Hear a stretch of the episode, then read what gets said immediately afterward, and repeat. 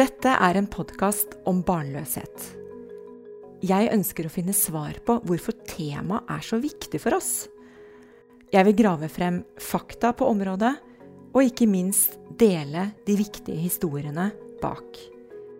Jeg er Cecilie Hoksmark, og mitt mål er større åpenhet. Kjære alle sammen, hjertelig velkommen til eh, Litteraturhuset denne onsdagskvelden og til denne samtalen om eh, barnløshet. Jeg heter eh, Kari Birkeland. Det er veldig hyggelig for meg å hva skal vi si, lede samtalen. Og så er det ekstra hyggelig å si hjertelig velkommen til de tre her i panelet mitt. Cecilie Hoksmark, som er forfatter, foredragsholder, podkaster, egentlig biolog og så er hun ufrivillig barnløs.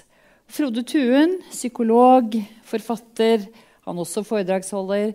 Samlivsekspert og med fast spalte i A-magasinet og med en haug med unger. Var det ikke det du sa til meg, Frode? og så er det Håvard Nes. Han er eh, sosiolog og ufrivillig barnløs. Velkommen til de. En stor applaus. Frivillig. Frivillig barnløs. Ja, ja, det var det. Frivillig. Det er faktisk et vesentlig poeng. Beklager, gikk litt i surr nå. Det var det jeg skulle si. Eh, frivillig barnløs. For det er jo det vi skal snakke om i dag. Altså det med dette ønsket om å få barn, eller eventuelt valget om at man tenker at man ikke ønsker barn. Og vi andre jeg har to barn som kanskje får barn, og ikke tenker så mye over det. Eh, men aller først, eh, Cecilie. Du har skrevet denne boken, 'Barnløs'. Du har eh, podkastserien din om det samme temaet. Og det at vi i det hele tatt sitter her i kveld, det er jo en del av dette prosjektet ditt, Prosjekt Åpenhet. Og hva er, hva er det for noe, egentlig? Prosjekt Åpenhet det handler om at vi må kunne snakke om barnløshet på en naturlig måte. Det er min visjon. Og det kan kanskje høres litt eh, ja, hva skal jeg si eh, uoppnåelig ut. For i dag så er det jo ikke sånn. Men jeg har tenkt at eh, vi kommer dit. Så en del av mitt prosjekt er jo da å by på min egen historie. Og by på åpenhet ved at vi på en måte snakker om temaet f.eks. i dag. Mm. For det, du, du, du, har jo sagt det i boken din, du sier det i podkasten, og du sier jo for så vidt også nå at dette med barnløshet det er noe vi må tørre å snakke om. Men, men, tenker du at vi har vært veldig redde, eller er vi for redde for dette temaet? Ja, jeg tenker det. Eh, jeg har jo min egen historie, så jeg vet jo selv hvor eh, vanskelig det var å fortelle de rundt meg hva jeg sto i. Mm. Eh, og min sorg og tap osv. Eh, og jeg er en ganske åpen person, egentlig. Men akkurat det det holdt jeg veldig lukket. Mm. Eh, og jeg tenker også sånn at vi kjenner alle noen som ikke har barn. Men vi kjenner jo ikke historiene bak. Mm. Så jeg tenker det ligger masse her. Ja, Frode, er, eh, er dette en av vår tids siste tabuer? Ja, det tror jeg man kan si, altså. Mm. For det at, altså, En ting er at, som du beskriver så fint i boken, og ellers at uh, de som på en måte sliter med å få barn, ikke så lett snakker om det. Men også alle de som er rundt, og som da kjenner noen, har voksne barn eller en venninne eller uh, som ikke har barn, kvier seg ofte for å spørre også. For det er liksom, skal man spørre om det, da? Altså, mens det å snakke om barn er jo veldig veldig, veldig naturlig alle, i alle mulige sammenhenger. Men det å snakke om liksom, ja, men hvorfor er dere ikke barn, eller baler dere, eller hva, altså, hva er grunnen? Det er noe man kvir seg til å gå inn i den typen samtaler. Mm.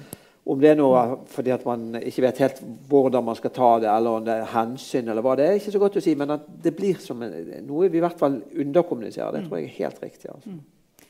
Håvard, jeg sa jo en, Det var jo kanskje liksom sånn slip of the tongue når jeg introduserte Nei, jeg ble litt stressa pga. den nedtellingen. Uh, men du er jo frivillig barnløs, du og din samboer som du har vært sammen med i, i mange år. Det skal vi komme tilbake til siden. Men, men, men tenker du også, eh, både personlig og som sosiolog, at, at, dette er, eh, at, dette er, et tema som Vi snakker jo om absolutt alt mulig annet. Mm. Avhengighet og depresjoner og seksuelle ting. Og, men, men liksom, hvorfor tror du at nettopp dette temaet er så eh, vanskelig gripe fatt i? Altså jeg opplever, jeg har snakket om dette her før. Jeg har vært med i en radiodokumentar blant annet, og snakket om det. Da får jeg mye henvendelser etterpå, så folk er veldig interessert i det når mm. du tar det opp og bringer det på bane. Men det er veldig sjelden at noen andre tar det opp. Så det er litt ekkelt og vondt å ta i, kanskje. Mm.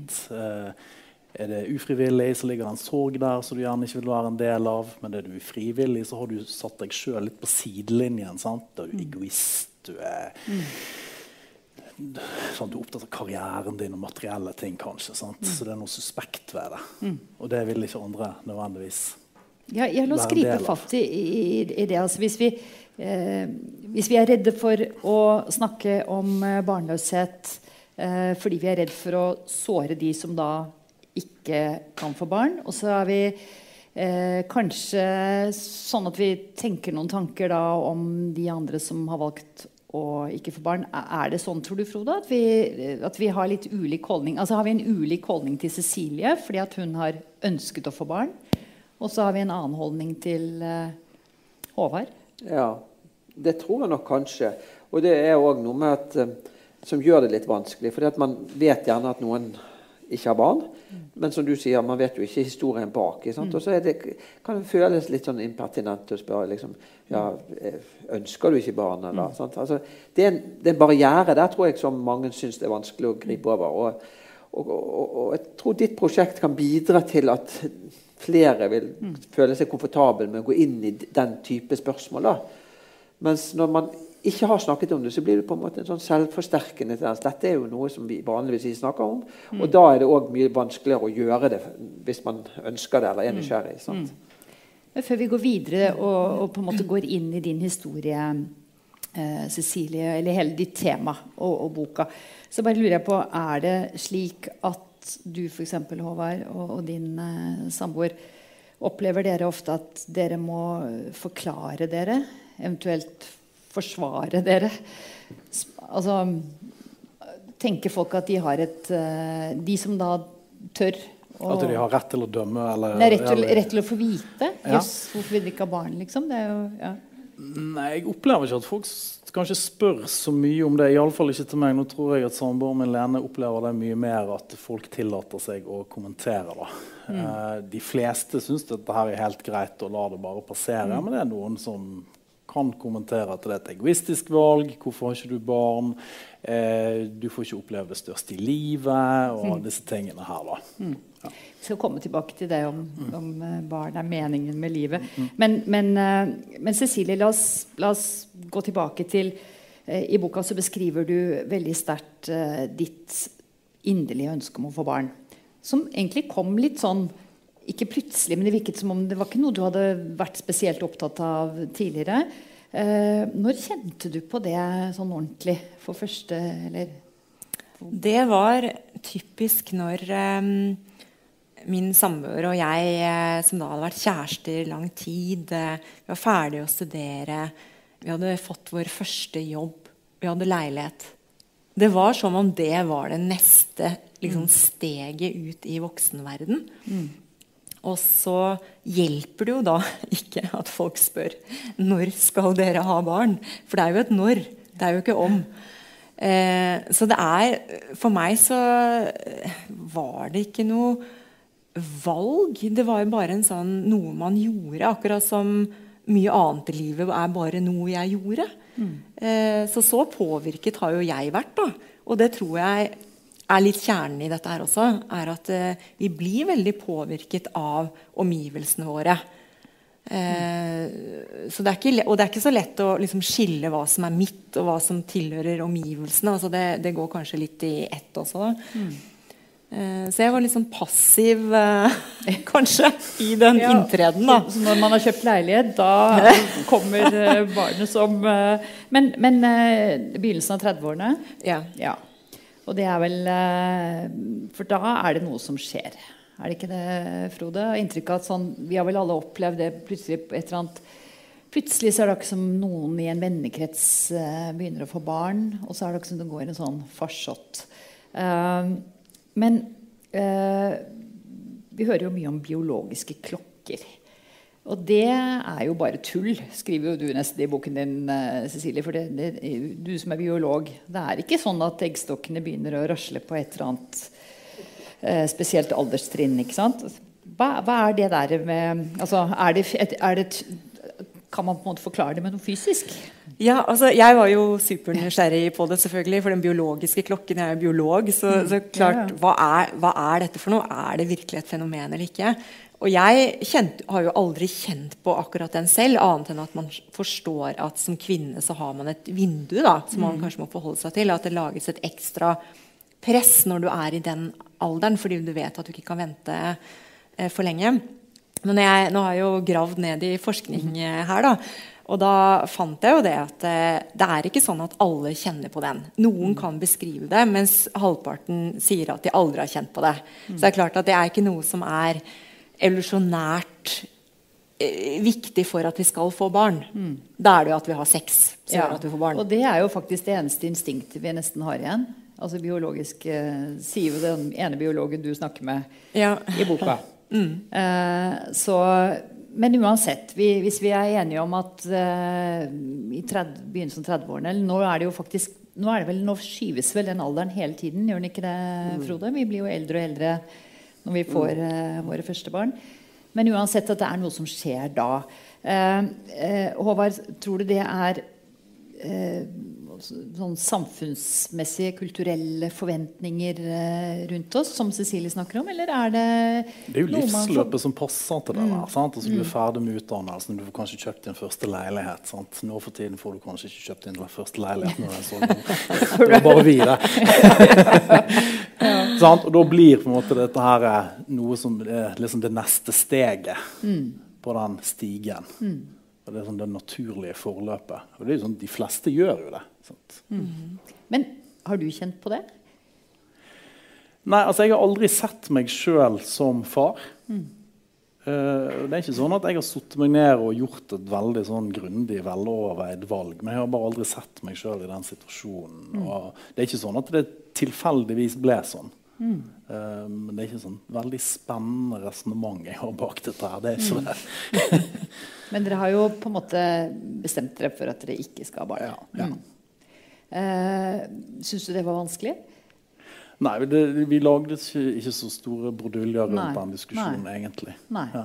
Men, uh, men, det derre presset som, som, Cecilie snakker om, som, som, som jeg har liksom lyst til å holde litt fast på det for at uh, Skyldes det presset fra omverdenen først og fremst, eh, Frode? Eller tenker du at det er et psykologisk behov som blir sterkere og sterkere hvis vi da ser bort fra disse klokkene? hva tror du er grunnen? til at man plutselig alle skal altså, du, diskuterer det litt i boken, og jeg, tenker at det er en, en, fin oppsummering. Det du gjør da. Altså, det, er jo, det er jo en blanding. Altså at vi har jo noen si vi har jo med oss noen instinkter til å formere oss. Mm. Altså Når vi har, har sex, hvis vi begynner der, da. Når mm. vi har mm. sex, så er det jo altså, Vi tenker jo ikke at nå skal vi ha sex fordi vi skal lage barn. Men vi har fått seksualdriften for at det er en forutsetning for at vi skal mm. videreføre seg. Ja. Altså, det, biologien ligger der jo. Mm. Som, den gir noen føringer, noen lyster eller behov. Mm. Og Det samme gjelder med det med barn òg. Så det er jo noe biologisk der som ligger i bunnen, mm. som selvfølgelig gjør seg gjeldende. Ikke for alle, eller at alle går rundt og har et enormt sterkt behov for, for barn. Men, mm. men, ellers hadde ikke vi formert oss. Formert oss og, så, og, så, er det òg noen psykologiske behov. Altså, vi har òg behov for altså det å gi tilknytning, eller det å være eh, omsorgsperson til mm. noen. Altså det ser ut til å være ganske sånn grunnleggende psykologisk eh, behov. Da, altså Knytte seg til noen, eller det å, at noen knytter seg til oss. Mm. På et eller annet vis. Og da er det jo veldig ofte naturlig at det er barna som gjør det. Mm. Og de fleste har det der omsorgsbehovet for å, for å liksom kunne ha noen barn som man kan gi den omsorg, den omsorgen til. Mm. Men så er det jo selvfølgelig andre som da kjenner at det kan man gjøre på andre måter. Man kan være mm. veldig omsorgsfull overfor slektninger eller venner eller mm. kjæledyr eller en, en, en, en, interesse eller et engasjement. Mm. Sånn at, men at vi har noen behov for å bety noe for noen, mm. det tror jeg er et sånn ganske viktig, grunnleggende behov som da veldig ofte kommer til uttrykk som et ønske om å ha barn. Og så er det selvfølgelig alt det rundt. Altså Hele kulturen, som er veldig barnesentrert. Og mye mer i dag enn noen gang før. altså. Ja, for det, det, det har jeg tenkt litt på. altså at Eh, vi fikk vel barn eh, ikke sammen, men vi fikk barn sånn eh, begynnelsen av 90-tallet, kanskje rundt der. Og, og, det var jo veldig stort og viktig, og sånn, men jeg, det slår meg nå at jeg har en følelse av, ikke empiri for det, men, men at, at, barna tar enda større plass nå enn de gjorde da. Altså Det å få barn er blitt en enda større greie. Eh, som preger livet enda mer. Eh, og familielivet.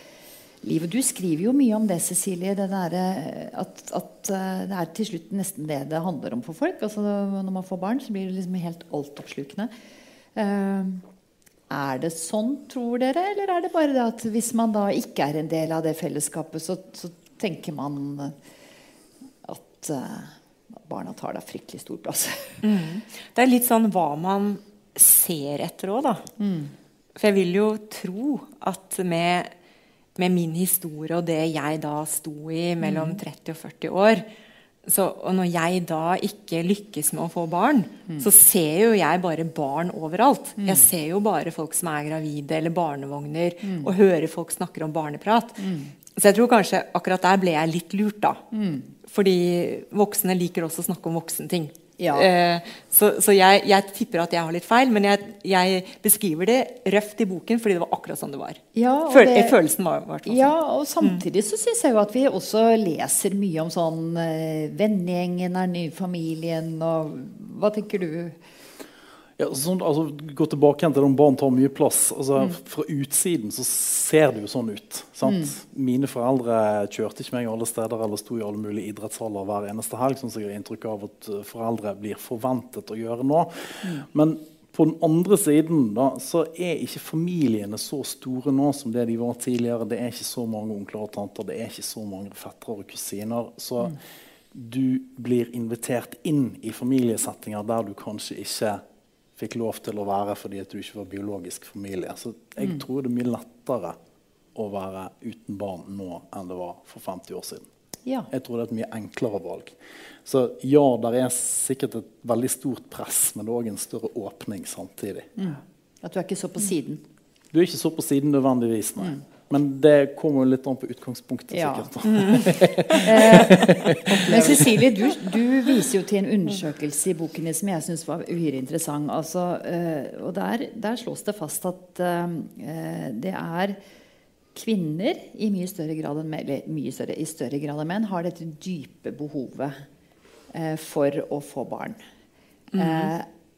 Og Det overrasket meg litt. Men er det noe du kjenner deg igjen i forskningen og i, også i terapirommet, Frode? Er, er det ofte slik at, at, det er kanskje først og fremst kvinnene som virkelig ønsker barn, og så er mennene med på ønsket? Ja, det tror jeg nok er en erfaring som veldig mange terapeuter som jobber med familier, opplever. da. Mm. Uh, og, og, ikke minst når man etablerer seg for andre gang, så er det en veldig vanlig problemstilling det at uh, hun gjerne da ønsker seg et nytt barn, eller kanskje ikke har barn fra før heller. Mens han har da allerede mm. spredt sine gener for å si sånn, og ikke ønsker det mer. altså. Mm. Og det er veldig veldig, veldig sjeldent omvendt. altså. Ja, det, for det er, jo, det er, jo, en sånn, som, som Håvard sier, at nå når familieformene våre er blitt nyere og annerledes, så er jo dette en helt kanskje en problemstilling som man ikke hadde så, i stor, så stor grad for 50 år siden. da. Ja. Men, men, til det du sier, så er jeg helt enig. Jeg tenker at det er jo noe med, altså Vår moderne tid er jo mye mer sånn heterogen. da, altså Før i gamle Hvis det går en eller to generasjoner tilbake, så, så, var på en måte det å bli voksen det var liksom å flytte hjemmefra, få jobb og få barn. Og, og gifte seg, da, eller altså, litt omvendt rekkefølge. Mm. Uh, og Det var en forventning som på en måte lå over alle. Mens i dag er det mye mye større handlingsrom for at man kan velge livet sitt sånn som man vil. og i det innebærer det for så vidt også ikke ønske barn. Mm. Så, så, sånn sett så er vi jo tenker jeg at det sikkert kan være lettere i dag. Men samtidig så er òg barn hausset opp enormt. Mm. Og som, som du sier altså, altså, Våre foreldre drev ikke og kjørte rundt. De, de, laget oss, og så måtte vi klare oss på egen hånd. Basically. ikke sant? innenfor noen rammer. Da, sant? Men i dag så blir jo ungene de, de er jo sentrum i universet til mange foreldre. Og det ser jo jeg som, som, eh, som parterapeut. altså. Veldig ofte så handler problemene om at barna er kommet, og så har de liksom kommet ut og kjøre fordi at det er det som har blitt fokus. mens parforholdet som var der i utgangspunktet, det har kommet i bakgrunnen. Og så på et eller annet tidspunkt så har de mistet hverandre. Mm. Men hva tror du det kommer av? Altså at barn eh, Hvis det stemmer min lille sånn, uh, analyse altså at jeg tenker at bare siden jeg fikk barn, så har det skjedd veldig mye. Altså at, at barna, som du sier, er blitt eh, helt eh, altoppslukende. Eh, hva, hva, hvor, hvor, skal dette ende, Frode? Og tenker du at det virkelig er sånn? At det bare øker mer og mer, denne, dette barnefokuset ja. i, fam, i, familien? Innad i familien? Altså, og det er en dobbelthet. For på den ene siden så er det jo bra. Altså, jeg tenker at Barn som vokser opp i dag, de har jo ofte, de fleste i hvert fall, har foreldre som er veldig omsorgsfulle. og veldig, De ser de, sant? Altså, De er på innsiden av deres følelser og sånt, på en helt annen måte enn våre foreldre var. det mm. stort sett. Mm. Uh, så det er jo veldig bra. Men samtidig så er det at faren er at alt dreier seg rundt disse barna. Jeg tror at de observasjonene eller erfaringene du gjorde, ikke er så veldig preget av at du ønsket deg barn. Altså det, jeg har barn som aldri slitt med å få barn, men jeg har jo mange ganger slått, slått meg. Altså liksom, vi snakker bare om barn av og til i enkelte sammenhenger. sant? Tenkte Det var møkka kjedelig for alle som ikke har barn. Ja, ja. Og så Nå har vi fått store barn. Og mm. Fremdeles er jo disse her barnesnakkene. Og tenker, oh, Gud, er det mm. nødvendig å snakke om alt det der barnegreiene? Skjerp dere! Bli interessert i ja, andre eller sånn der, eh, Siste nytt i barnevogner ja. og sånn. Vi fikk noen barnevogn, husker jeg. Den var jo sikkert fryktelig stygg. Men nå er det jo sånn skifter man jo barnevogn for hvert barn. Man skal, ja, nok om det. Uh, Mye barneprat. Cecilie. Uh, i boka di så, så, så, skriver du jo Det er sånn det får helt vondt i magen av å lese om det når du skriver da om eh, de årene hvor du virkelig prøvde å få barn, eh, og gikk gjennom flere prøverørsforsøk. Eh, og flere menn? Ja, med to forskjellige menn. Og til og med også en graviditet som, som eh, endte, endte galt. Uh, og det er, veldig, det er, veldig, vondt å lese om. Uh, hvordan er det for deg selv å tenke på denne tiden? Du, uh, det hjelper at tid har gått. Mm. Og så hjelper det veldig å ta skikkelig tak i det. for du kan se at det som skjedde meg, var jo Jeg ble jo da til slutt gravid og ble selvfølgelig veldig lettet og glad, og det var helt overstrømmende. Og så mister jeg de trillingene i uke 17, når man på en måte har tenkt at nå går alt fint. Mm. Men det var jo ikke bare det. Jeg bar jo med meg en stor sorg fra starten, fra jeg forsøkte, og, og denne hendelsen, mm. som var veldig mange år. Så øh, ja, jeg, jeg syns øh, det var en veldig ensom sorg i og for seg min feil, kanskje. Men så skal man så kanskje være forsiktig og si at alt var min feil òg. Men mm. jeg var jo så lite åpen. ikke sant? Sånn at når det her først da skjedde, så var det veldig mange som visste om det. Men jeg klarte jo ikke da å dele den egentlige sorgen. Det egentlige tapet. Mm. For det er jo en sånn type sorg som er både det at du mister de barna, men det er jo også en framtid som du hadde sett for deg. Og det tar millisekunder, så er vi inne i den framtiden. Mm. Da var den bilen bytta ut, og da var det bosted, og da var ting og ting altså, ute fra jobb og sånn. Altså alt var liksom satt i gang. Mm. Veldig lett å se for seg den framtiden. På den hytta med de tre barna, og at de lekte på gulvet. Ja. Så jeg, jeg eh, jobbet eh, ganske beinhardt. Og nå vil jeg jo si at jeg virkelig har tatt tak i det. da. Ja. Fordi det må man jo når man skal Det, det var, det var ja. veldig eh, du kjenner smerten din, på en måte. Ja, ok, men Da sier jeg takk for det, for det var mm. litt av meningen at jeg skulle klare å beskrive det også. Mm. Men så syns jeg også at uh,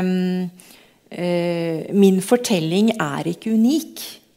Det er mange som har opplevd noe tilsvarende for, eh, som meg. Og jeg syns også det hører med til livet. Det er en del av livet. Og vi driver og pakker det igjen og gjemmer det bort. Ja. Men dette er livet. Mm. Og det syns jeg vi skal eh, Ok, da byr jeg på det. Mm. Ja. Og det syns jeg er, er, veldig, veldig bra. Eh, men du, du skriver også at du Det er jo utrolig det har, ikke slått meg før jeg leste boken din, hvor lite snakk det er om eh, hva denne altså, behandlingen faktisk medfører for, eh, for eh, kvinner, først og fremst. Altså det fysiske, men også det psykiske. Men også for parafla, Men hvis vi tar det fysiske først. Det er veldig lite snakk om at eh, man faktisk utsetter kroppen for ganske alvorlige ting.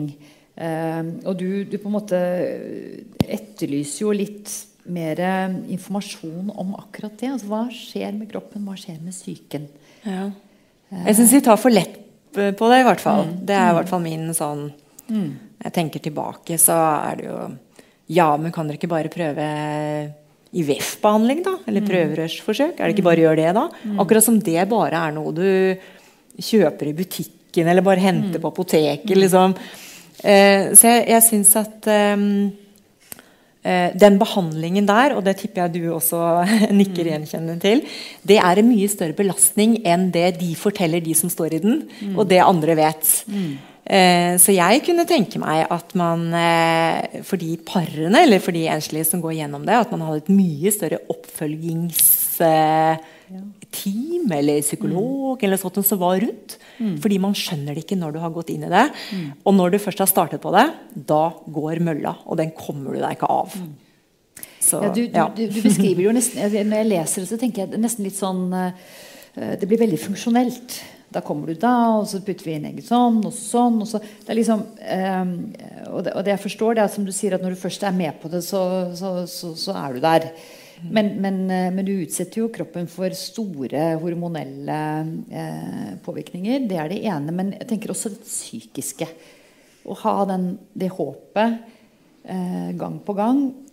Og noen lykkes jo det, jo, det vet vi jo. Og så er det mange som ikke lykkes. Og de fleste opplever kanskje å bli skuffet en gang eller to. Men, men Frode, hvor, hvor, eh, hvor, alvorlig er dette her for, for eh, eller hvor tungt er dette å gå gjennom, sett fra ditt ståsted? Ja, nei, altså Jeg vet ikke hva jeg skal svare på. Altså, du beskriver det jo veldig fint, og jeg er helt enig mm. du kan virkelig dele kjenne den smerten som du beskriver. Mm. Så, så, jeg tenker at du beskriver det mye bedre enn det jeg kan. Men det jeg kan si, mm. og som kanskje muligens foregriper noe av det du har tenkt å spørre om, det er nemlig om når man sammenligner barnløse kvinner med kvinner som har barn, mm. så er jo de barnløse kvinnene stort sett like lykkelige. Mm. Og Det er jo interessant. sånn at Selv om den mm. fasen når man er inni det der, den mølen mm. som du beskriver, at den må nok være fryktelig smertefull. Mm. Og, og, jeg vil tro at veldig mange opplever noe omtrent sånn som deg. Så ser det ut som de fleste da kommer ut på andre siden og har det ganske bra i livet. Og like bra som, som folk som har barn. Og det er jo i hvert fall fortrøstningsfullt. da ja, eh, Vi skal komme tilbake til det gode livet uten barn eh, etterpå. Eh, og også, som du sier, jeg syns det er veldig interessant det poenget ditt, eh, Frode. Eh, nettopp fordi at eh, vi snakker om barna som store meningen med livet. Og så er det kanskje ikke slik. Eller i hvert fall, som du sier, at det ikke påvirker lykkefølelsen din i så stor grad. Det er jo undersøkelser vist. Men la oss holde litt fast på, på, på den påkjenningen og det som, som du opplevde. Eh, for det er jo en av de tingene som det ikke snakkes om, Cecilie. Mm -hmm. Altså eh, det, er ikke, det, er ikke, ofte du hører hva det koster eh, kvinner å gå gjennom eh, mm. IVF. Hvorfor det, tror du? Jeg tror um ja. Det ene er jo at det er fort glemt da, hvis det ja. går bra. Mm. Da har du bare glemt det, rett og slett. Mm. Um, så tror jeg vi, vi et, Ok, jeg snakker for meg selv, så får vi se om det på en måte mm. gir gjenklang hos andre. Men det er jo at eh, det du går igjennom, er jo en stor belastning. Både fysisk og psykisk. Og du skal hele tiden ha det håpet om at dette skal gå bra. Og så har du en visshet om at det er ikke sikkert, fordi det bare er 25 sjanse eller noe sånt. Så du, du, driver og baler med dette her. Mm. Hvordan kan du fortelle noen om at jeg er midt i et forsøk jeg nå. Jeg har fått satt inn et egg. Vet du hva? Jeg tipper 99% vil sagt så spennende! Ja. Dette blir gøy! Ja. Fordi, heier, heier på deg. og det, det, er ikke det. Fordi du er den eneste som skjønner at det er ikke sikkert det går bra da. Mm. Så det er, det er veldig trøblete å skulle um, dele. Ja. ja. Og det blir jo slutt mellom deg og din første kjæreste. Eh, og så traff du en ny mann og gikk i, i gang med det igjen. Eh, og det, sånn som du beskriver, så har jo dette vært veldig sånn, tyngende for forholdene dine også. Eh, tror du det er slik? Er det noe du har eh, også undersøkt? At, at ja. det å gå gjennom disse prosessene er utrolig krevende. Ja, det er tyngende for parforholdet. Og det var litt tilbake til det jeg sa i sted, hva som denne, altså denne belastningen man står overfor. da. Mm. Parene og, de, og hvem, de enslige som går gjennom dette, må få noe mer eh, støtte og bli forklart mm. hvor tyngende det er for parforholdet. Mm. Fordi eh, hvis det da for meg ble helt liksom altoppslukende Mm. Altså Stakkars mann, da. Som fikk dette, denne kjæresten som var søt og blid i starten, og så bare endrer hun seg. Nå overdriver jeg litt, da. Mm. Men endrer seg sånn der jeg skal ha barn, jeg skal ha liksom, det er det eneste, genene våre skal spres videre. Mm. Det kan jo gå litt langt. Og jeg tenker jo at det går på akkord med det gode i parforholdet. Mm. Hvis man ikke tør å stoppe opp da og mm. prøve å liksom Hvor er vi nå? Mm. Det, er jo vi som, det er jo oss som er det viktigste. Mm. Er vi der nå? Mm. Eller har vi latt dette gå for langt at det bare er dette barnet? Mm. Jeg tror jeg gikk i den fellen der, da.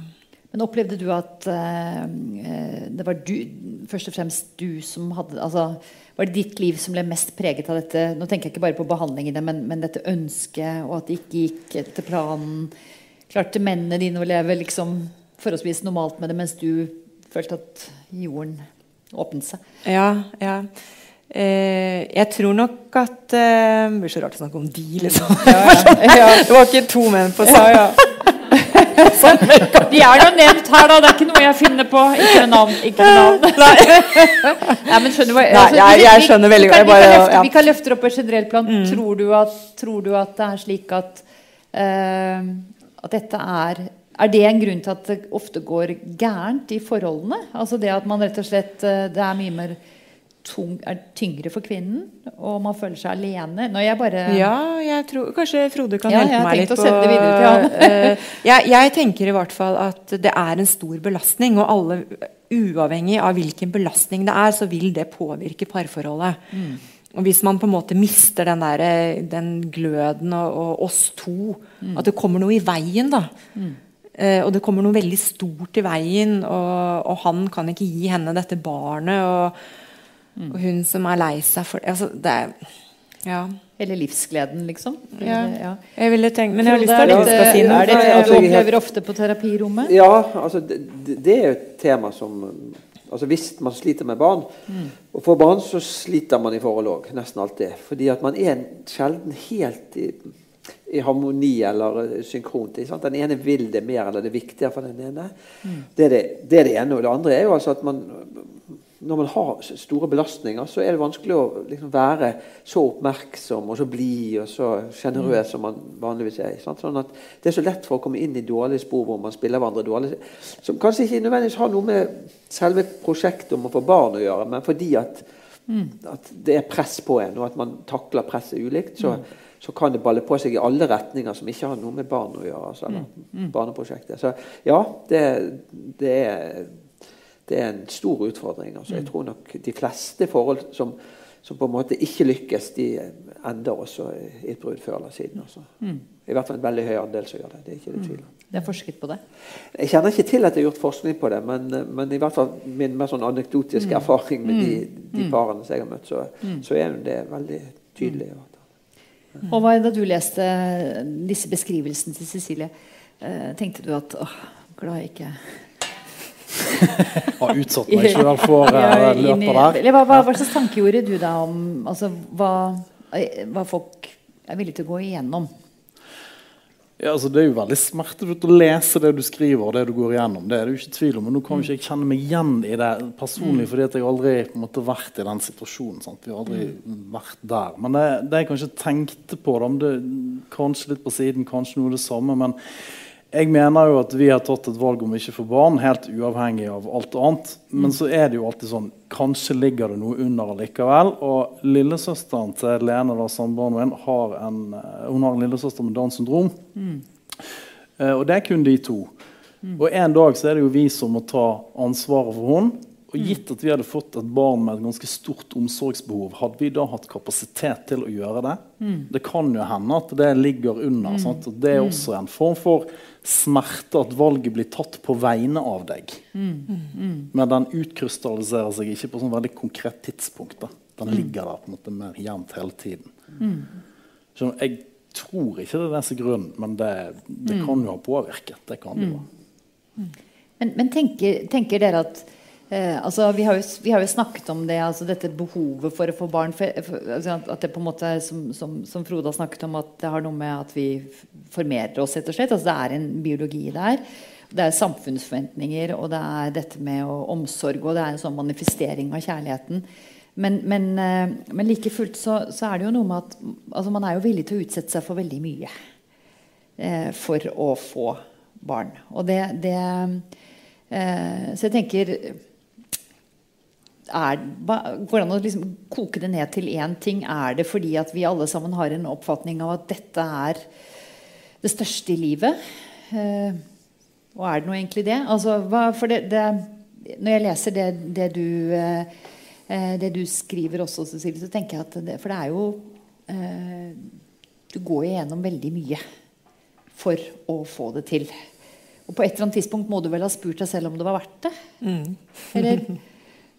Ja, Ja. ja, så klart. Eh, Så kan man tenke sånn Hvorfor, hvorfor i all verden gjorde du det? Men det er veldig lett å si i, Ja. i ettertid.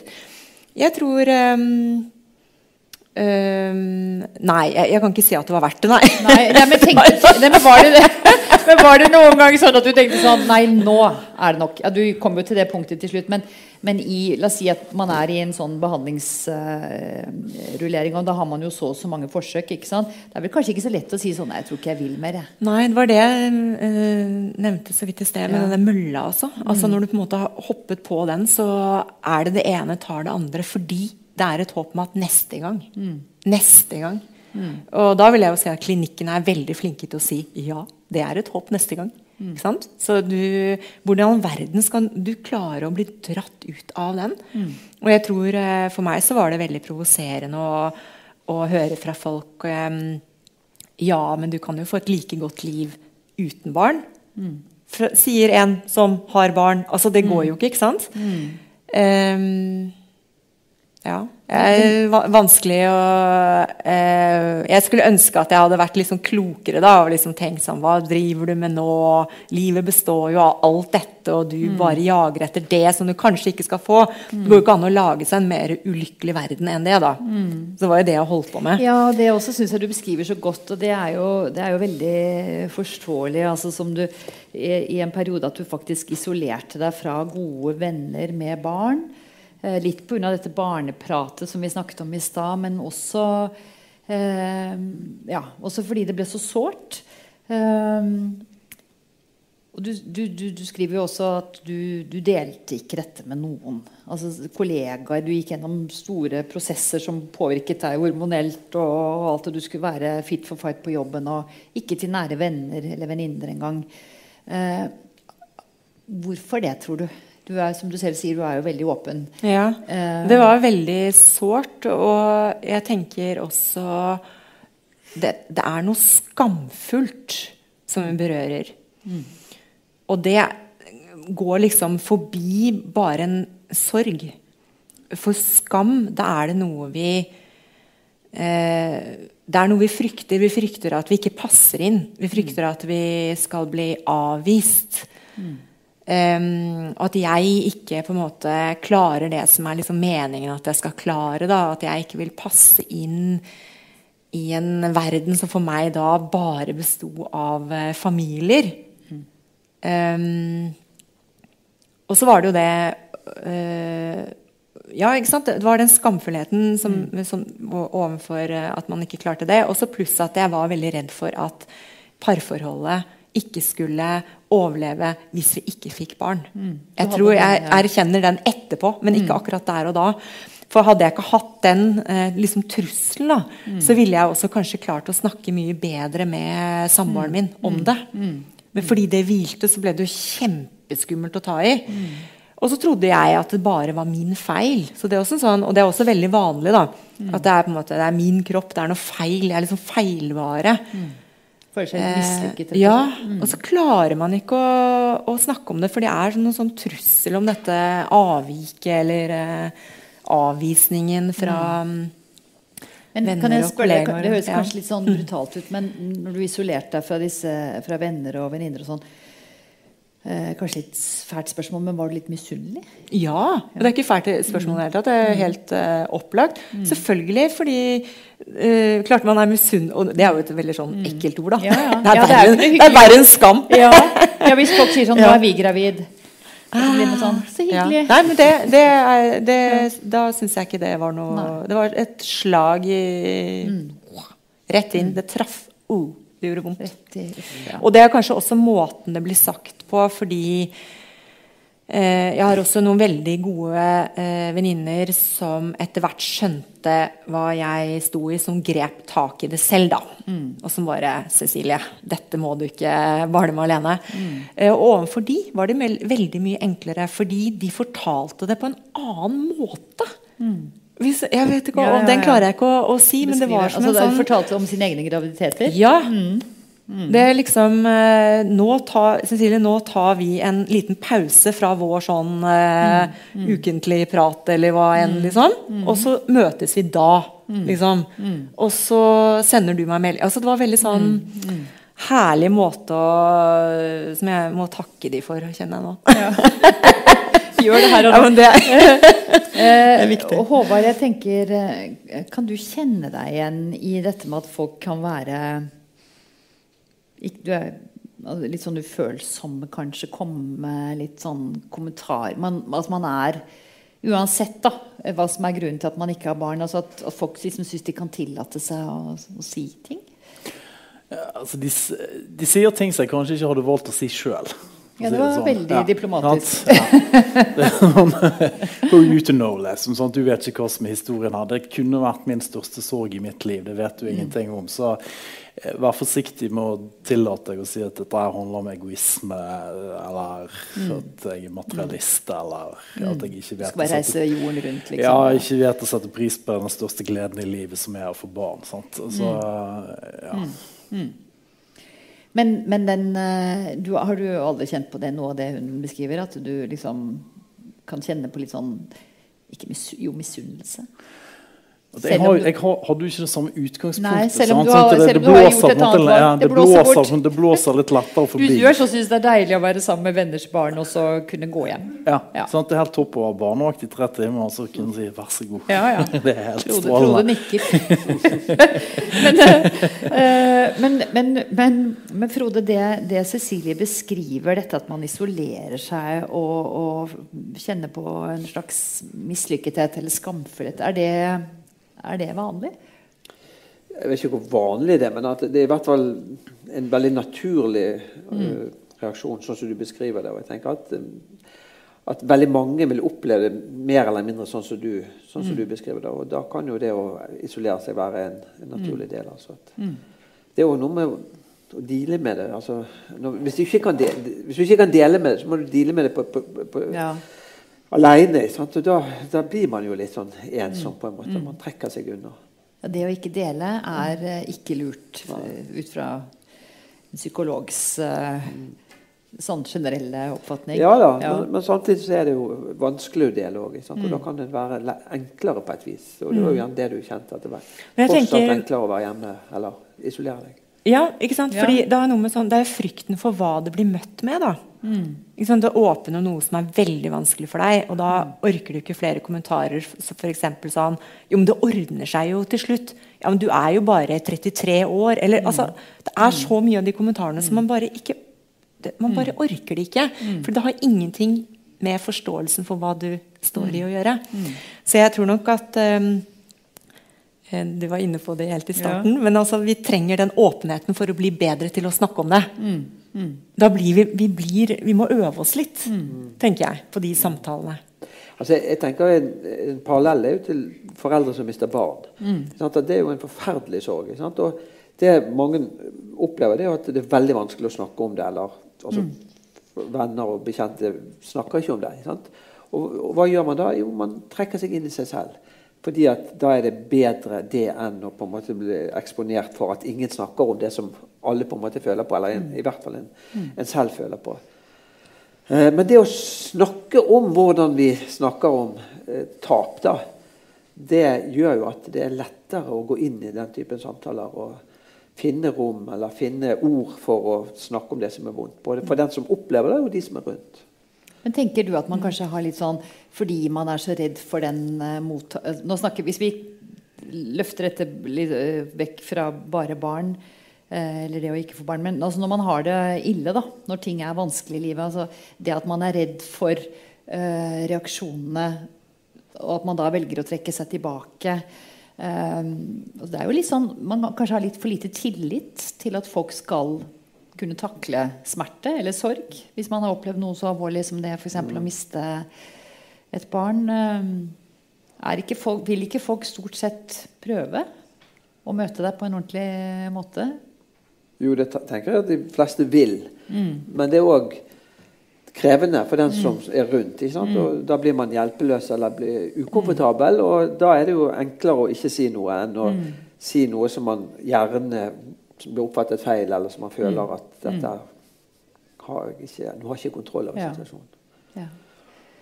Men jeg vil sitere min gamle eh, Ja. lærer eh, Magne Raundalen. Han sier at det som er tungt å bære, det er en psykologisk eh, naturlov. Det som er tungt å bære, blir lettere å bære sammen med, med andre. Og Ja. Det gjelder jo særlig de tingene som er såre da, i, i livet. altså. Ja. Så det å klare å selvfølgelig bryte ut av den der isolasjonen, og at noen er der og tar deg imot, er jo, det er jo der vi på en måte det er det vi må prøve å få til. Og du gjør liksom en, en flott innsats med den Ja, ja. boken i forhold til dette med barnløshet. Og mange jobber i forhold til det med å miste barn. Mm. Sånn at jo mer vi får dette på dagsorden, jo mer det blir en offentlig samtale om det, det er lettere er det også i de mer sånn private samtalene i, i de tusen hjem Mm. Ja. Mm. blant venner og, og sånt. Men du Cecilie, du kom jo til et punkt da hvor eh, du var til og med inne i adopsjonskarusellen. Eh, som, eh, som eh, men, men det ble stopp med det, og, og du ble singel igjen. Og tenkte bare sånn Du beskriver det jo veldig fint. Nå, jeg, nå har det gått skeis, og det og det. Og hva nå? Og så skrev, skriver du jo at du hadde en periode hvor du da eh, syntes eh, rimelig synd på deg selv, før du bestemte deg for at nå skulle du ta et valg for resten av livet ditt. Eh, bare si kort hva det var. Ja, eh, skal jeg ta spinningtime nå, eller? Du bestemte deg for at ja, nå skulle ja. Bli med inn i spinningsalen. Ja, ja. En uh, times økt der. En sånn intervalløkt med dempet belysning og sånn uh, ju-ju-ju-musikk og masse svette ja. og spinningsinstruktør som bare sånn Guff på nå! Siste intervallen! Kom igjen! Og så var det Jeg var jo da blitt 41 år, og jeg tenkte at nå er livet mitt skikkelig dritt. Jeg følte meg gammel.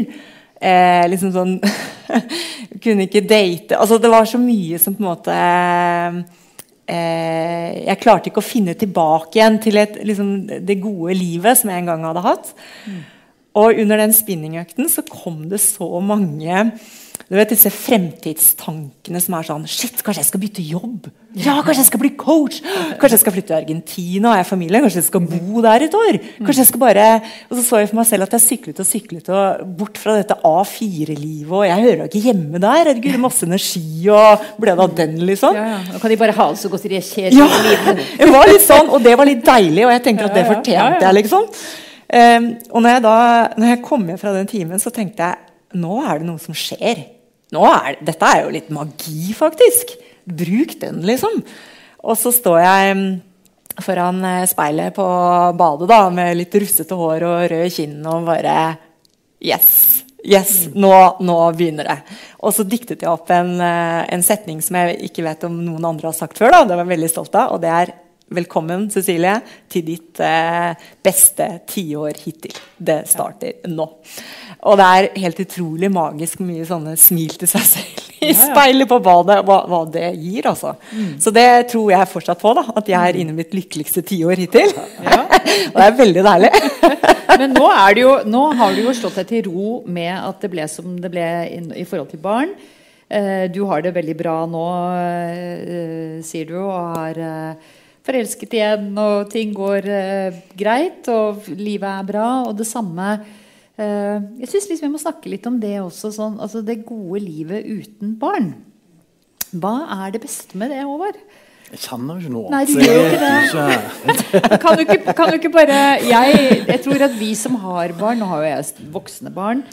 Det har vel du òg, Frode. Så, men, men det er klart det er liksom det at man kanskje tenker at For det er jo også en ting at selv når barna blir voksne, så er jo de på en måte en del av eh, altså man, man bekymrer seg jo for sine barn. ikke sant? Og det er jo en sånn saying du er aldri mer lykkelig enn ditt mest ulykkelige barn. ikke sant? Og det er klart at det, det, den har jo ikke dere. Nei, har ikke. Ikke. Altså bekymre seg over det, liksom, hvis, de, hvis de ringer, og, ikke sant? selv om de er fem, 30 år og sånn. Er du ikke enig, Frode? Så kjenner Jo, jo. man jo det søkker i magen hvis det er Ja, ja, ja, er helt klart. Altså, Ja. det, jeg, jeg pleier å si til sånn småbarnsforeldre bare vent til Ja. ungene blir større. Da kan dere virkelig skjønne hva hvor er mye bekymring bekymringer det er. Ja, da er det ja, det og karriere og Ja, ja, ja. Psykologen sin. Men, men Jo, men det er jo helt sant. Så ærlig. Vi må jo kunne være ærlige, vi òg. Si at det, det er jo veldig mye glede og sånn, men fy søren så mye. Og jeg sier akkurat det samme til mine venninner med, med småbarn. Nå gjelder det liksom å ikke bli bedt i bursdag eller være med på fotballaget. Hallo, vi, vi snakkes om 15 år. Ja, for du slipper jo alle slipper praktiske alt det. ting? Ja. Men ikke bare praktisk, men jeg tenker du slipper liksom på en måte det Emosjonelle emosjonelle stresset. Bekymringen. Uh, Ja.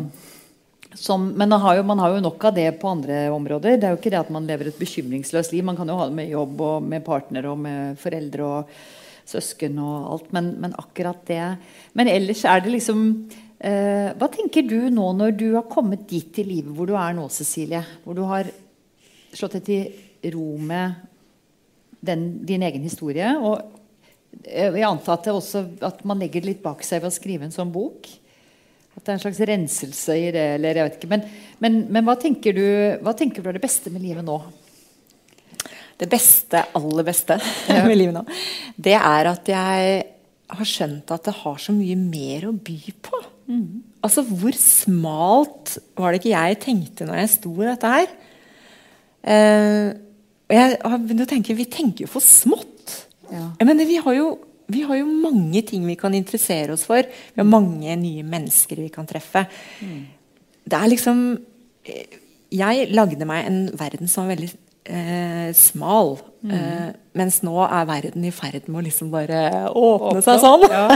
Ja. Og det syns jeg eh, Det er en, en stor befrielse, så jeg tenker det er det beste. Altså. Ja. Og det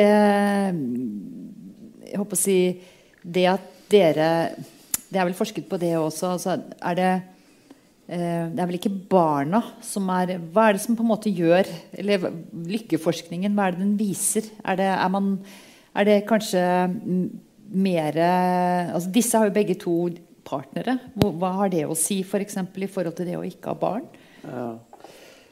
ja, altså Det å ha partner er viktigere enn å ha barn. I hvert fall hvis du ser sånn i fugleperspektiv på lykkeforskningen. Som, for, som jeg sa i sted, så, så er ikke de som har barn, lykkeligere enn de som ikke har barn. Men de som har partner, er jevnt over lykkeligere enn de som ikke har partner. Og der, selvfølgelig finnes det jo mange forskjeller, eller mange individuelle variasjoner der. Det kan være, Man kan være veldig lykkelig singel også, men jevnt over så har folk et behov for et ønske om å ha en partner. Og hvis man da ikke har det, så er det en, en, en sorg eller noe som man, man savner. da. Men eh, hva ville du sagt til deg selv da, Cecilie, hvis du kunne snakke til Cecilie på 30? Ja, ikke sant?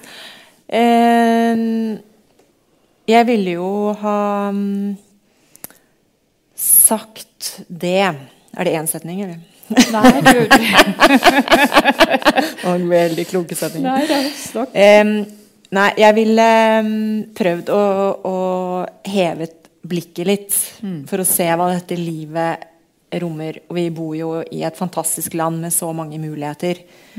Og hvilke egenskaper har du, hvilke interesser har du, hvilke venner har du, hvilke miljøer. Hvor kunne du tenke deg arbeidslivet eller liksom på privaten. Og liksom forsøkte å liksom få ut dette blikket da, på at det finnes veldig mye.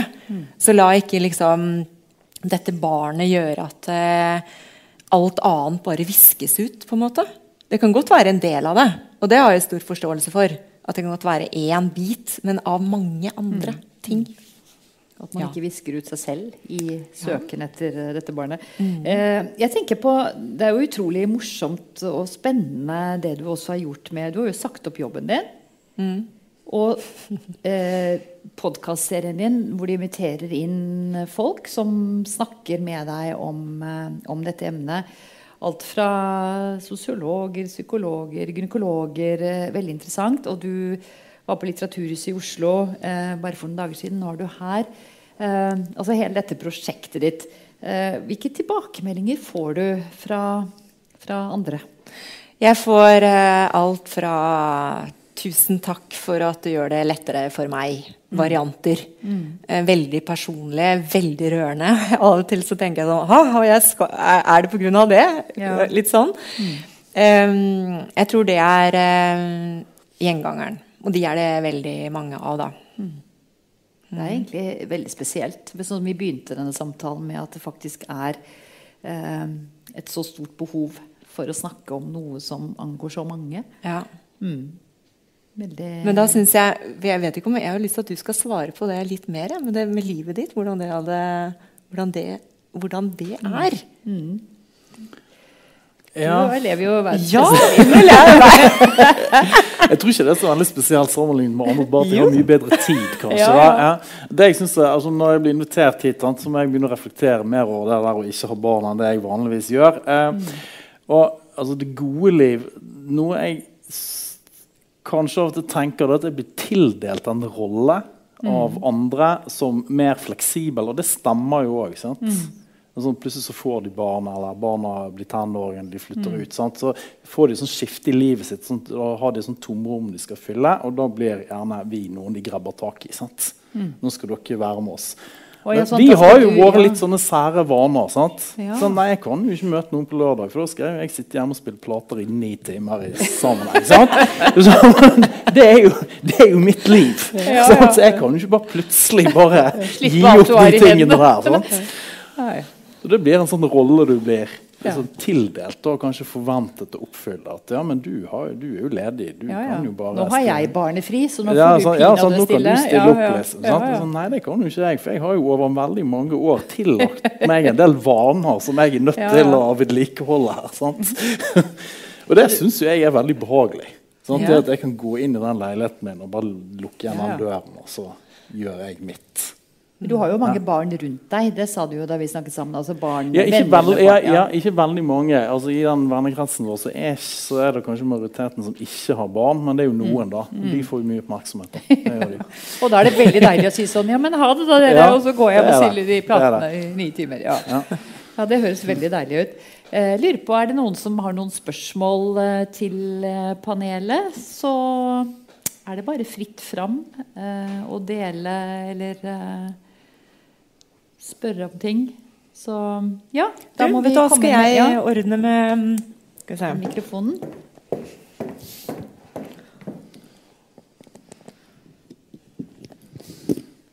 Sånn. Er den på? Ja. Vær så god. Hei, ja, tusen takk for en uh, flott uh, stund. Det var veldig spennende å høre på dere. Ehm, jeg har en sønn som jeg har inntrykk av at ikke vil ha barn. Eh, og så merker jeg at det er litt vanskelig å ta opp temaet. Eh, så jeg blir jo veldig nysgjerrig på liksom fordi at det er litt sensitivt. ikke sant? Jeg vet ikke historien bak. Og jeg tenker ut selv jeg som er moren hans, jeg syns det er vanskelig å spørre, for jeg er så redd for at jeg trår feil. Eh, er det det at ikke de vil? Er det det at de ikke kan få det? Og så er det liksom sånn Jeg må nesten gå til søsteren og spørre du, vet du hvorfor. for jeg er så redd for at de skal føle press da. ikke sant? Jeg vil jo ikke at de skal føle at vi har forventninger, at vi skal bli skuffet hvis ikke de får barn. Så jeg lurer litt på om du kjenner deg igjen i det, Eh, Håvard? At eh, folk ikke tør å spørre? Eller snakke om Ja, de snakker ikke så mye om det. det er jo ikke det. Og min mor og min far har heller aldri spurt. Og jeg vet at det er fordi at de ikke vil lage noe press. På at det, det, det skal ikke være en forventning om at du har barn. Nå har jeg jo en søster som sitter her, og en bror som pløyde den veien for meg, så jeg slapp litt unna. da. Eh, men de har aldri spurt, nei. Ikke noen andre heller. Eh, men nå har vel jeg eh, gitt Jeg sa vel det ganske tidlig, at jeg tror ikke jeg skal bli far. Så jeg bare feide det sånn, Så fikk vi feid det vekk. I tilfelle det skulle være noen usikkerheter. Så, ja. Men hadde du syntes det var greit at de spurte? Og hvordan skulle de spurt? Hun trenger en liten oppskrift. Ja, så vær ærlig. Det er sikkert det enkleste. Sant? Jeg vil at du skal kunne fortelle meg det hvis, hvis det er noe du ønsker å dele. Nettopp. Det er jo litt sånn vi har forsøkt, faktisk. Ja. Og du får jo som regel tilbakemeldinger ganske fort på om det var greit eller ikke. Sant? Så, men da får man jo be om unnskyldning i så fall. Ja. Ja. Vil du svare, Frode? Nei, jeg syns det høres fornuftig ut. Altså, det er jo kan jo understreke at jeg, jeg, spør ikke for det at jeg skal legge press, men vi er nå litt nysgjerrig. Jeg tenker de fleste vil kunne takle det. da. Nå har jeg voksne barn som ikke har fått barn ennå, men, men meg og min kone er jo helt opplagt liksom altså, Vi er nysgjerrige på om de har tenkt å få barn. Og, eh, vi spør nok av og til også, og, og kanskje de opplever litt press. Men, men jeg tenker at hvis man har en ålreit, åpen dialog om liksom, det å ha barn er én ting, og det å ikke ha barn er en annen ting. altså Det liksom, det er et, et valg, da. Så tenker jeg at de fleste vil kunne takle det. da. Men det slo meg når du spurte det spørsmålet, fordi vi har jo snakket uh, mye om forventningene fra samfunnet, det kulturelle. Man kommer i 30-årene, og det forventes og også de, den forventningen man har inni seg selv. Men besteforeldreforventningene har vi jo på en måte ikke, ikke? Når du sier det der med at man, du så for deg hele livet ditt framover, du skulle reise på hytta og sånn. Men at man også kanskje tenker at man eh, Skuffer jeg foreldrene mine nå, eller altså, det, Den har vi jo ikke vært innom. Og det er jo interessant at som, som, som, eh, som foreldre til voksne Potensiell bestemor. ja, potensiell bestemor. Man har jo en, det er jo også en eller annen forventning ikke sant, om at sånn skal livet være. Noe det nødvendigvis ikke blir eller trenger å være. Men, så, så, så man flytter liksom de der barneforventningene videre etter hvert som man selv blir eldre. Da. Eh, så det var veldig bra du tok opp, for det har vi egentlig glemt å snakke om. Og når jeg har så heldig å ha mikrofonen nå, sikkert noen andre som Så var det jo det som slo meg, at denne boken er jo også interessant for de som eh, kanskje har ett barn, og så klarer de ikke å få et til. For det er sånn, En dame snakket jeg med i dag, ikke sant? hvor det blir et problem. Og det er veldig mye av det samme. Ja, hva skal, hvordan skal vi, skal vi slå oss til ro med det nå etter å ha hatt så og så mange aborter, eller skal vi orke å prøve en gang til? Og da ble det en veldig spennende samtale om ja, akkurat det du sier. Går det an å se på hva livet kan by på som ettbarnsfamilie? ikke sant? Ja, egentlig, så jeg tenker hun kunne jeg anbefalt denne boken, for det er sikkert my mye av, av det samme eh, problematikken, egentlig. Sant? Skal vi slå oss til ro nå, skal vi, og hva har livet å by på da? og Hvordan blir livet nå? Ja. Vent vent litt, du må ha mikrofonen. Hva, hva har vi gjort nå? familier til denne gjengen her. Det er i hvert fall to familier akkurat uh, til det du sier. eh, At uh, Som ikke fikk nummer to, og som, adoptert, nei, som, ja, som, som adopterte. Ikke sant? Fordi det, de orket ikke å gå gjennom det Cecilie har gjort. Men de adopterte, og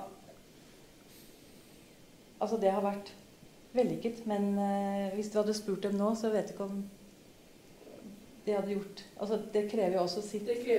Ja, for da har du to sett. Og de, når du adopterer, så skal du vel helst egentlig det barnet skal være eh, yngste. Ikke sant? Mm. Men det er det da hvis du har ett fra før. Selvfølgelig er det det. Men eh, det krever en familie. Astrid, du Eh, Jeg vil bare si tusen takk. Det var kjempespennende. Eh, ja, jeg kjenner jo Silje på forhånd. Og jeg ble 60 år før jeg klarte å si at jeg var barn, ufrivillig barnløs. pga. en ulykke da jeg var 27 år. Så jeg har gått og holdt den hemmeligheten eh, hele livet. Eh, fordi det var helt umulig å snakke om det, og folk spurte liksom hvor mange barn har du. Så eh, når jeg var 60 år, holdt jeg min eh, tale til 100 mennesker og sa hvorfor jeg var barnløs. Og at det var en ulykke, og at jeg levde et godt liv, og at jeg tok frem dronningen i meg selv. Mm.